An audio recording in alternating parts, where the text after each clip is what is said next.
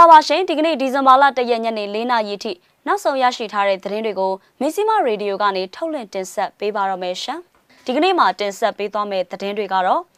စစ်ကောင်စီပိုင်းမြန်မာပြည်ယာနဲ့ထုတ်ကုန်တွေတောက်တုံရောင်းချသူတွေကိုငဲ့ညာတော့မှမဟုတ်ဘူးလို့ SRF အဖွဲ့ထုတ်ပြန်တဲ့အကြောင်းရခိုင်ဝန်ကြီးချုပ်ဦးညီပူကိုအာဂရိအမှုသုံးမှုနဲ့ဆွဲချက်တင်တဲ့သတင်း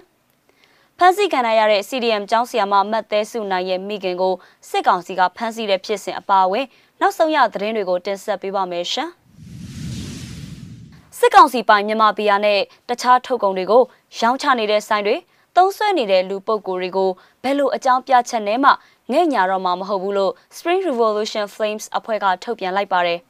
သွေးစွန်းဝင်အဖြစ်လဲပတ်နေတဲ့အာနာသိန်းစစ်ကောင်စီပိုင်းမြန်မာပြည်ပါဝင်ထုတ်ကုန်တွေကိုတောက်သုံးတာစိုက်တင်ရောင်းချတာတွေမပြုလုပ်ဖို့အမျိုးသားညီညွတ်ရေးအစိုးရ NUG နဲ့တိုက်ပွဲဝင်တော်လှန်ရေးအဖွဲ့အသီးသီးကစာထုတ်တောင်းဆိုသတိပေးတာတွေပြုလုပ်ခဲ့ပြီးဖြစ်တယ်လို့အဖွဲ့ရဲ့ထုတ်ပြန်ချက်ထဲမှာပါရှိပါတယ်။ဘွိုင်းကော့တိုက်ပွဲဆိုတာကြည်တစ်ချက်မဖောက်သွေးတစ်ဆက်မထွက်ပဲစစ်ကောင်စီရဲ့ဝင်ငွေရလန်းတဲ့ထောက်တိုင်တွေကိုတွန်းလှဲနိုင်တဲ့တိုက်ပွဲပါအသက်တွေရင်းထားတဲ့သူတွေကအသက်တွေရင်းထားကြပြီး ဘဝတွေရင်းထားတဲ့သူတွေကဘဝတွေရင်းထားကြပြီးသွေးနဲ့ရင်းစရာမလိုတဲ့ဘွိုင်းကော့တိုက်ပွဲမှာအားလုံးပါဝင်ပေးကြဖို့အလေးအနက်တောင်းဆိုပါတယ်လို့ Spring Revolution Flames အဖွဲ့ကတိုက်တွန်းတောင်းဆိုလိုက်ပါတယ်။သူတို့အဖွဲ့ကမင်းည၈နာရီခွဲမှာလှိုင်သာယာမြို့နယ်ကမြန်မာပြည်ရောင်းချနေတဲ့အားသက်ဆိုတဲ့ဆိုင်ကိုလက်လုံမိုင်းနဲ့ဖောက်ခွဲခဲ့ပါတယ်။အများပြည်သူအနေနဲ့စစ်အာဏာရှင်ပိုင်းစီးပွားရေးတွေပြိုလဲရေးအတွက် စစ်တပ်ထုတ်ကုန်တွေကိုမတုံ့ဆွဲပဲတော်လှန်ရေးမှာပါဝင်ကူညီကြဖို့သူတို့ကတိုက်တွန်းထားပါတယ်။ Spring Revolution Flames အဖွဲ့ကတော့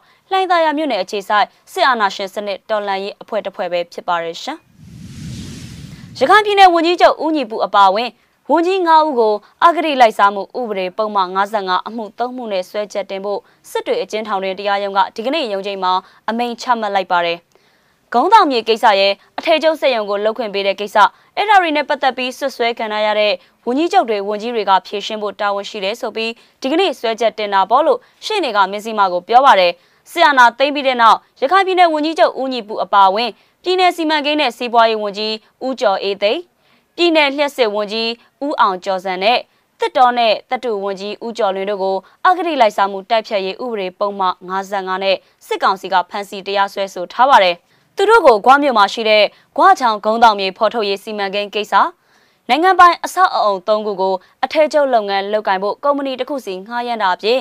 ပြည်내ရန်ပုံငွေကျပ်865တန်းကိုဗန်နာရေးစည်းကမ်းနဲ့မညီဘဲတုံးဆွဲခဲ့တဲ့ဆိုပြီးစစ်ကောင်စီကအဂတိလိုက်စားမှုနဲ့တရားစွဲဆိုထားတာပဲဖြစ်ပါတယ်။ဒါ့အပြင်ရခိုင်ပြည်နယ်စီပင်တာယာရေးဝန်ကြီးရာထူးကနှုတ်ထွက်ထားတဲ့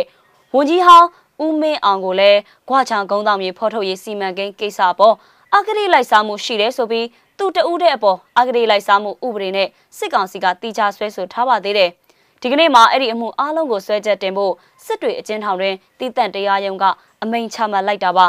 လာမယ့်ဒီဇင်ဘာလ10ရက်နဲ့10ရက်တို့မှာအဂရိအမှုအတွက်ရုံးချင်းခေါ်ထားပါတယ်စစ်ဆေးပြီးသားတရလိုပြတက်သေးတွေကိုလည်းပြန်ခေါ်တက်သေးအနေနဲ့ အဲ့ဒီရုံးချင်းမှာစစ်ဆေးသွားဖို့ရှိတယ်လို့သိရပါတယ်။ရခိုင်ပြည်နယ်ဝန်ကြီးချုပ်ဦးညီပူကလက်ရှိတရားရင်ဆိုင်နေရတဲ့အဂရိလိုက်စားမှုဥပဒေပုံမှန်ပြင်နိုင်ငံတော်ကြီးညိုပြည့်စည်မှုဥပဒေပုံမှန်905ခခွေးနဲ့လည်းအလောက်ကျန်တဲ့ထောင်ဒဏ်2နှစ်ချမှတ်ခံရတာပါ။လက်ရှိမှာတော့စစ်တွေအကျဉ်းထောင်မှာထိမ့်သိမ်းခံရတာဖြစ်ပါတယ်ရှင်။မိထီလာတက္ကသိုလ်ကျောင်းသားများသမဂ္ဂဥက္ကဋ္ဌဟောင်းဖြစ်ပြီး CDM ကျောင်းဆရာမလည်းဖြစ်တဲ့မတ်သေးစုနိုင်ကိုစစ်ကောင်စီကဖမ်းဆီးချုပ်နှောင်ထားတာပါ။ ဒါ့အပြင်သူ့ရဲ့မိခင်ဖြစ်သူဒေါ်စောရီကိုမနေ့ကမနက်7:00နာရီခွဲအချိန်လောက်မှာစစ်ကောင်စီတပ်ကဖမ်းဆီးသွားတဲ့အကြောင်း AR သတင်းဌာနမှဖော်ပြထားပါတယ်။မနက်7:00နာရီခွဲလောက်ကမတ်သေးစုနိုင်ရဲ့မိခင်ဒေါ်စောရီကိုစစ်သားတွေလာဆွဲတယ်။ဘာကြောင့်ဆိုတာမသိရဘဲဆွဲသွားတာမတ်သေးစုနိုင်တို့ဖမ်းခဲ့ရပြီးနောက်နေ့မှာ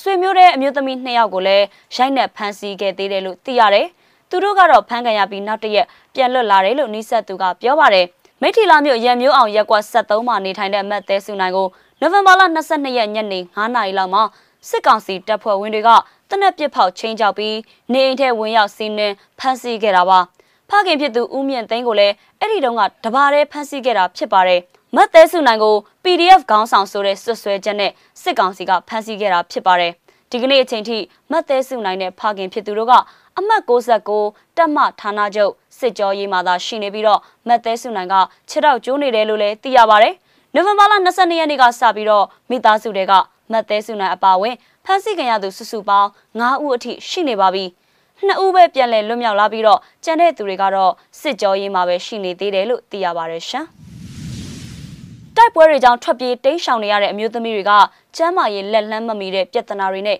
ရင်ဆိုင်နေရပါတယ်။ အဲ့ဒီထဲမှာမှကိုဝန်တဲ့အမျိုးသမီးတွေနဲ့မိဘပြီးကစားအမျိုးသမီးတွေကဒီပြဿနာတွေကိုအကြီးအကျယ်ရင်ဆိုင်နေရတာပါ။ဒါကြောင့်သူတို့အတွက်ကျမ်းမာရေးစောင့်ရှောက်မှုအကူအညီတွေအထူးလိုအပ်နေတယ်လို့ကရင်လူအခွင့်အရေးအဖွဲ့ပြောရေးဆိုခွင့်ရှိသူတဦးကတန်လွင် Times ကိုပြောပါတယ်။ကိုဝန်ဆောင်မျိုးသမီးတွေအနေနဲ့တွားရလာရခက်ခဲတာတွေထွက်ပြေးတိမ်းရှောင်နေရတဲ့အချိန်တွေမှာလည်းမီးဖွားရတဲ့အခြေအနေမှာအနိကကျမ်းမာရေးစောင့်ရှောက်မှုတွေလိုအပ်ချက်အများကြီးရှိပါတယ်။ ထွက်ပြေးတိမ်းရှောင်နေရတဲ့အမျိုးသမီးတွေအထူးသဖြင့်ကိုဝန်တွေဆိုရင်သူတို့အတွက်ကတွားရလာရေးခက်ခဲတယ်။မိဘကနေအမျိုးသမီးတွေဆိုရင်ဘယ်လိုမွေးဖွားရမလဲကျမ်းမာရေးစောင့်ရှောက်မှုကဘယ်ကရမလဲဆိုတာမျိုးသူတို့အတွက်စိုးရိမ်စရာတွေအများကြီးရှိနေတယ်လို့ဆိုပါတယ်။ KNU ထိန်းချုပ်နယ်မြေတွေမှာ KNLA နဲ့စစ်ကောင်စီတပ်တို့ကြားဖြစ်ပွားတဲ့တိုက်ပွဲတွေကြောင့်စစ်ဘေးရှောင်တောင်းနဲ့ချီရှိနေပါပြီ။ကရင်အမျိုးသမီးအစည်းအရုံးရဲ့အဆိုအရ KNU ထိန်းချုပ်နယ်မြေဖြစ်တဲ့ဖပွန်ခရိုင်တစ်ခုထဲမှာတင် စစ်ဘေးရှောင်ကိုဝန်ဆောင်မျိုးသမီးဦးရေက400ကျော်ရှိနေပြီလို့သိရပါတယ်။သူတို့အတွက်စေဝအကူအညီနဲ့